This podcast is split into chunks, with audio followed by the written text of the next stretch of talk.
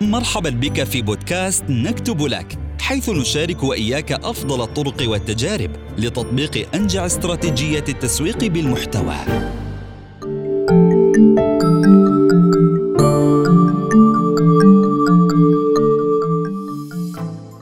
تتطور مفاهيم التسويق بتطور وسائل الاتصال ويبرز في مقدمتها التسويق بالمحتوى لكن غالبية من يعملون في التجارة الإلكترونية العربية ينظرون إلى المدونة وهي نافذة التسويق بالمحتوى الأولى على أنها نشاط تسويقي لا ينتمي إليهم على الرغم من أن 86% من العاملين مع المستخدم النهائي أو ما يسمى B2C يستخدمون التسويق بالمحتوى في ترويج أعمالهم بل ما هو أهم أن 60% من المستخدمين يصبحون أكثر حماسة بشأن منتج ما بعد أن يقرأوا عنه أولاً. ربما يعود هذا الخلل في فهم التسويق بالمحتوى لعدة أسباب، منها عدم القدرة على بناء استراتيجية للتسويق بالمحتوى، وهو موضوع حلقتنا لهذا اليوم.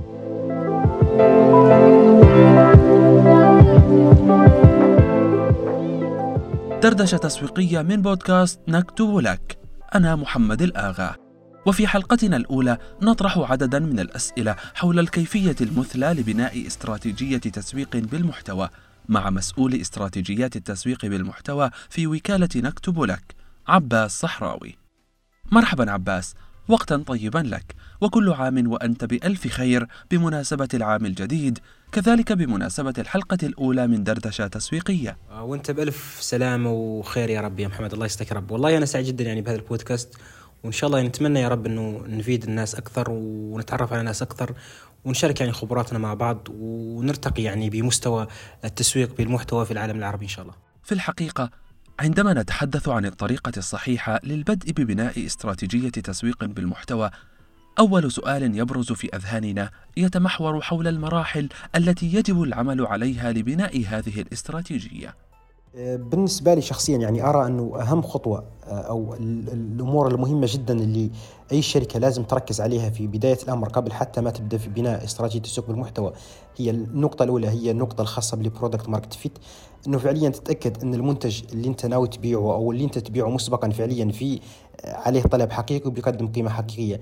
كذلك تتأكد أن تمركزك يعني أو ال positioning الخاص بك فعليا واضح وقوي. لأن آه، بشكل عام يعني آه، التسويق بالمحتوى هو قناة تسويقية مثل أي قناة. فأنت في التسويق بالمحتوى فعليا أنت تجيب الكولد ترافيك أو ناس ما بتعرفك.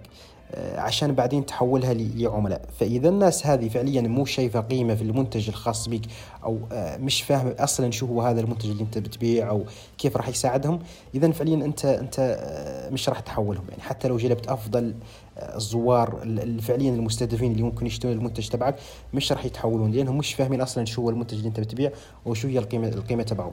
فأعتقد هاتين النقطتين من أهم النقاط اللي لازم أي شركة تشتغل عليها. وهاتين النقطتين يعني بيتموا أساسا عن طريق الكاستمر ريسيرش أنك أنت فعليا تكون عارف جمهورك المستهدف. من هو هذا الجمهور؟ آه، شو طبيعته؟ شو هي المشاكل اللي بيواجهها؟ وكيف ممكن يعني أنت تساعده في حل هذه المشاكل؟ فهون ممكن نعتبر هذا هو الأساس اللي أنت ممكن تبني عليه استراتيجية التسويق والمحتوى الخاصة بك. لو تعطينا مثالا أو أمثلة على هذا عباس. أنا أول يعني في بداية النشر على مدونة نكتب لك يعني وكاله التسويق والمحتوى الخاصة بنا كنت معتقد مثلا أنه الجمهور المستهدف يهمه كيف تكتب مقال أو كيف تهيئ مقال الاس وعلما أنه أنا كنت مستهدف يعني مدراء تسويق في شركات متوسطة الحجم عشان يعني آه هذه الفئة المستهدفة اللي إحنا بنحب نتعامل معها عشان عندهم الميزانيه إنهم يتعاملون معنا وفعليا آه مناسبين. بس فعليا ما كان في تفاعل مع المحتوى مثلا. المحتوى هذا كان بيقرأه فقط يعني كاتب محتوى مبتدئ أو, أو كاتب محتوى مستقل بس ما في شخص من الشريحة المستهدفة كان يقرأ هذا المقال. فالمشكلة كانت هون إنه أنا ما كنت عامل كاستمر ريسيرش يعني أنا ما كنت عارف جمهوري مين عفوا شو مشاكله بالضبط. فهذا هو اللي ضيعني إني استثمرت وقت وجهد كبير جدا في في محتوى لم يعني لم يضيف أي قيمة لل business الخاص بنا. فبعدين لما بدأت أعمل customer research وجدت إنه الجمهور هذا مثلا يهمه يعرف كيف إنه يقيس اداء التسويق بالمحتوى أو كيف إنه يبني خطة أو يضعها كذلك آه، يهمه يعرف مثلا آه، كيف يحط ال metrics الصحيحة. يعني لأنه التسويق بالمحتوى شوي مختلف عن باقي الاستراتيجيات. فكانت في في جملة من المشاكل اللي بتواجه هذا الجمهور اللي أنا ما كنت بكتب عنها فلما بديت اكتب عنها فعليا بدأ يصير في تفاعل وبدأت تصير في يعني ليدز يعني الناس تتواصل معنا عبر الإيميل بتقول إنها مهتمة بالخدمة الخاصة بنا وحابة تتعامل معنا فهذا نفس الشيء أعتقد إنه بالنسبة لي التسويق بالمحتوى عشان ينجح أو عشان فعليا إنك تبدأ به بشكل صحيح أن أهم شيء لازم تركز عليه في في المراحل الأولى هي إنك فعليا تقعد مع الجمهور المستهدف. يعني مثلا ممكن تقعد مع 20 30 شخص من جمهورك المستهدف وتحاول مثلا يعني تسألهم أسئلة مثلا أسئلة عشان تعرف ال demographic شوي تكون فاهم ال demographic الخاص بهذا الجمهور. بعدين تكون عارف مين هو هذا الشخص يعني مين هو ال decision maker اللي انت يعني آه، بتبيع له المنتج آه، عشان يعني تكون محدد. وبعدين تكون عارف شو هي المشاكل أو العقبات اللي هو بيواجهها عشان أنت تقدر يعني توضحها يعني آه، إنك ت address في ال home page الخاصة بالموقع. وكذلك في صفحة الخدمات وحتى في المحتوى الخاص بك فأعتقد إنك لو ركزت على هذه الأمور واستثمرت فيها وقت في البداية أعتقد إنه انه إنه تكون فعليا يعني بدأت بداية جيدة جدا في في بناء خطة التسويق بالمحتوى. هذا ينقلنا عباس إلى سؤال حول كيفية تحديد الأهداف الصحيحة التي وفقا لها يمكننا بناء استراتيجية ناجعة للتسويق بالمحتوى. آه، جميل جدا سؤال جميل جدا صراحة. يعني ممكن نقول إنه بالنسبة لي استراتيجيه تسويق المحتوى ممكن نقسم الأهداف بشكل عام بغض النظر هل أنت مثلا SaaS أو هل أنت متجر إلكتروني أو أو هل أنت وكالة تسويق مستهدفه لل B2B. إنه بشكل عام أهداف التسويق بالمحتوى ممكن نقسمها إلى قسمين. يعني القسم الأول هو زيادة عدد الزوار المستهدفين والقسم الثاني هو آه، زيادة جودة الزوار يعني المستهدفين. فالمقصود مثلا بالهدف الأول اللي هو زيادة جو يعني عدد الزوار مثلا المستهدفين مثلا مثلا مثلا ممكن تقول لك أو ممكن مثلا ممكن يكون هدفك إحنا حاب يعني مش بننشر محتوى كثير على المدونه الخاصة بنا فحابين ننشر أكثر. يعني هون بشكل عام الهدف المقصود هو إنه حابين يزيدوا من نسبة الزيارات المستهدفه أو مثلا آه، ممكن يقول لك آه، على سبيل المثال مثلا إنه حابين يبنوا روابط خلفية أكثر عشان يزيدوا من ال domain authority الخاص بالموقع وبالتالي آه، تبدأ يظهر الموقع بشكل أكبر في الصفحة الأولى على جوجل على الكلمات المفتاحية المستهدفه يعني هذه كلها وأي كلمه يعني عبارات مقاربة لها المقصود بها هو الهدف الأول. يعني بشكل عام الهدف هو زيادة عدد الزيارات المستهدفه الهدف الثاني بشكل عام المقصود به هو جودة الزيارات. يعني مثلا إحنا بننشر محتوى يعني المحتوى هذا فعليا محتوى قوي وممتاز بس ما في تفاعل أو مثلا ما في ما في مبيعات. المقصود هون إنه آه، جودة الزيارات مش قوية. مثلا يا إما إنك مش بتستهدف الجمهور الصح آه، أو إنه آه، المحتوى اللي أنت بتكتبه مش فعليا مناسب لهذا الجمهور اللي أنت بتجيبه سواء من جوجل أو سواء من منصات التواصل الاجتماعي. جميل جدا، لكن كيف يتم بناء هذه الأهداف التسويقية التي تفضلت بها عباس؟ اخذا بالاعتبار اختلاف أنواع العمل والمشاريع كذلك في البلدان العربية على سبيل المثال. بشكل عام يعني الأهداف هذه كلها سواء كانت زيادة عدد الزيارات المستهدفة أو سواء كانت زيادة جودة هذه الزيارات آه، بتترسم أو بتتبني باستخدام funnel يعني آه، قمع. يعني أعتقد المصطلح المعروف والمتعارف عليه عربيا هو قمع التسويق اللي هو بيتكون من ثلاثة أمور. يعني ال top آه، يعني رأس هذا الهرم مثلا ومنتصف هذا الهرم وأسفل الهرم أو ما يسمونه بال bottom of the funnel فانا أشوف مثلا إنه لو لو آه، الشركة مثلا على سبيل المثال يعني أوضاعها المالية ممتازة وفعليا هدفها فقط إنها تركز على بناء acquisition channel آه، باستخدام تسويق المحتوى فممكن انها تركز أكثر على زيادة الجمهور المستهدف. وفعليا لما بقول مستهدف بقصد ان بيكون في customer research كما وضحت في الجزء يعني في الإجابة السابقة إنه بيكون في عمل حقيقي على ال customer research يعني ال customer research إنك فعليا بتكون عارف مين هو الجمهور الصح. وشو المشاكل الخاصة به وتكتب محتوى بناء على هذه المشاكل. آه، اما إذا كان مثلا آه، يعني الهدف الخاص بال business بشكل رئيسي هو زيادة المبيعات اذا يكون التركيز بشكل أكبر على ال traffic quality أو على جودة الزيارات اللي بتيجي للموقع. فهون مثلا ممكن يكون التركيز أكثر على أنك آه، تقوم ببناء دراسات حالة عن كيف الناس استخدمت المنتج الخاص بك أو الخدمة الخاصه بك وبعدين أمورها تطورت وصارت أفضل. وممكن أيضا تعمل يعني مثلا محتوى آخر من نوع يعني مثلا ال customer stories يعني بيسمونها يعني في بعض الأحيان بيقولوا لها ال user generated content بس يعني ال user generated content مش مش بيكون غالبا يعني مكتوب. هو ممكن يكون صورة أو يعني مش بيكون المحتوى مكتوب بطريقة يعني شيقة لأن أصلا ال user مش مش كاتب محتوى في الأغلب. فهو فقط بيشارك تجربته بال format اللي هو شايفه مناسبة. فهون مثلا ممكن إنك تتعاون معاه وتطلع يعني قصة يعني محتوى يكون دسم على على شكل قصة سواء كان سينشر على شكل مقالة أو على شكل مثلا ممكن تنشره كبودكاست. فهذا هو المحتوى اللي ممكن الواحد يركز عليه. مثلا لو الهدف تبعه هو إنه يزيد ال conversion أو يزيد ال sales يعني أو المبيعات. فأعتقد بشكل عام يعني هذين هم أهم هدفين ممكن أي قطاع أو أي business يركز عليهم آه، بخصوص يعني آه، الأهداف الخاصة بالتسويق بالمحتوى. تعرف عباس حديثك يوضح تماما أهمية هذا النوع من التسويق والذي من الواضح أنه يحتاج إلى ميزانية حقيقية كغيره من أنواع التسويق الأخرى إن التقليدية أو الحديثة. فبرأيك ما الميزانية المناسبة للتسويق بالمحتوى؟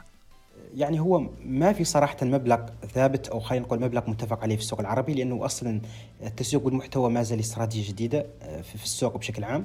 فقلة قليلة جدا من الشركات ومن الأفراد هم اللي بيعرفون هذه الاستراتيجية نعم لكن كيف يمكن لصاحب متجر إلكتروني أو مدير تسويق في شركة ما تخصيص ميزانية للتسويق بالمحتوى؟ خلينا نقول إنه كيف يعني مثلا عشان نقدر نحسب التكلفه أو أو أو كيف نخصص لها ميزانية ممكن ننظر للأمر من خلال زاويتين. مثلا الزاوية الأولى هي توظيف فريق داخلي والزاوية الثانية هي أنك تتعامل مع مثلا توظف آه، وكالة التسويق بالمحتوى تقوم بإدارة آه، العملية عنك وهنا بالمناسبة يعني أنا أدعوك لأنك تلقي نظرة على نكتب لك.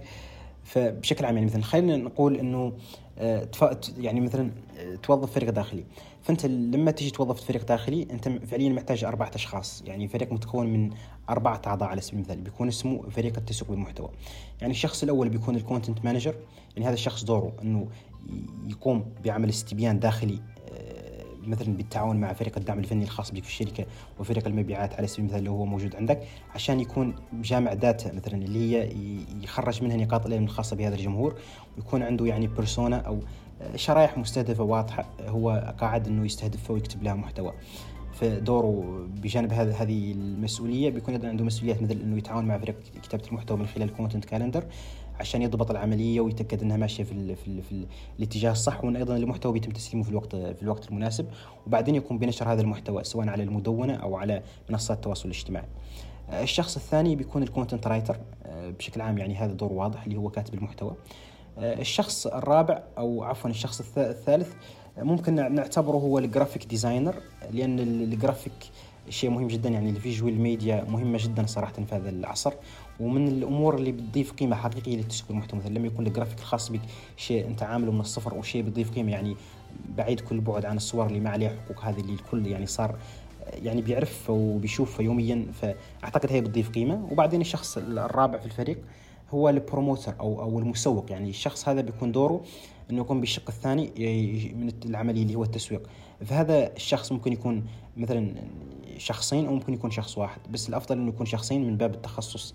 فمثلا لو لما يكونوا شخصين مثلا بيكون في شخص دوره يشتغل على تحقيق الأهداف على على ال long term ومثلا مثل ال SEO والشخص الثاني يكون دوره إنه يشتغل على الأهداف على المدى القصير مثلا ال short term مثلا بالنسبة لل long term ممكن يكون ال SEO يعني شخص مسؤول عن ال SEO وال short term ممكن يكون شخص مسؤول عن ال PPC يعني إعلانات ال PPC سواء على مواقع التواصل الاجتماعي أو على جوجل AdWords على أو على أي منصة أخرى ممكن يكون الجمهور موجود فيها هذا من ناحية مثلا بناء فريق داخلي فلو فكرت إنك توظف هذا الفريق فغالبا أنت محتاج مثلا آه، ميزانية لا تقل عن 5000 إلى 6000 دولار شهريا عشان توظف فريق فعليا كامل وقوي وتقدر تتكل عليه المهمة. آه، أما إذا فكرت في الجانب الزاوية الثانية فهي وكالة التسويق بالمحتوى. وهذه غالبا بتكون توفر لك كل شيء يعني هي تقوم بالعملية كلها نيابة عنك وهذه غالبا يعني ممكن نقول إنه مثلا لو ميزانيتك من 4000 إلى 4500 دولار آه، ممكن يعني تجد وكالة متميزة فبشكل عام أعتقد إنه ما بين 3000 إلى 5000 دولار آه، كمبلغ يعتبر مبلغ مناسب جدا بشكل شهري ل يعني البدء في استخدام تسويق المحتوى. بالفعل عباس. آه هذا كلام منطقي جدا. آه، لكنه يطرح تساؤلا. قد يكون مؤرقا عن المدة التي يستغرقها هذا النوع من المحتوى لتظهر نتائجه خاصة وأنك تعرف أن أصحاب المشاريع يستعجلون كثيرا عندما يتعلق الأمر بالمبيعات ونتائج التسويق. آه، فعلا يعني أحييك على هذا السؤال صراحة سؤال جميل جدا. والله هو صعب جدا أنك تقول إن في إن في time frame معين ممكن الواحد إنه ياخذ به عشان يقيس آه، متى راح يستغرق التسوق المحتوى من الوقت عشان يبدأ يجيب نتائج.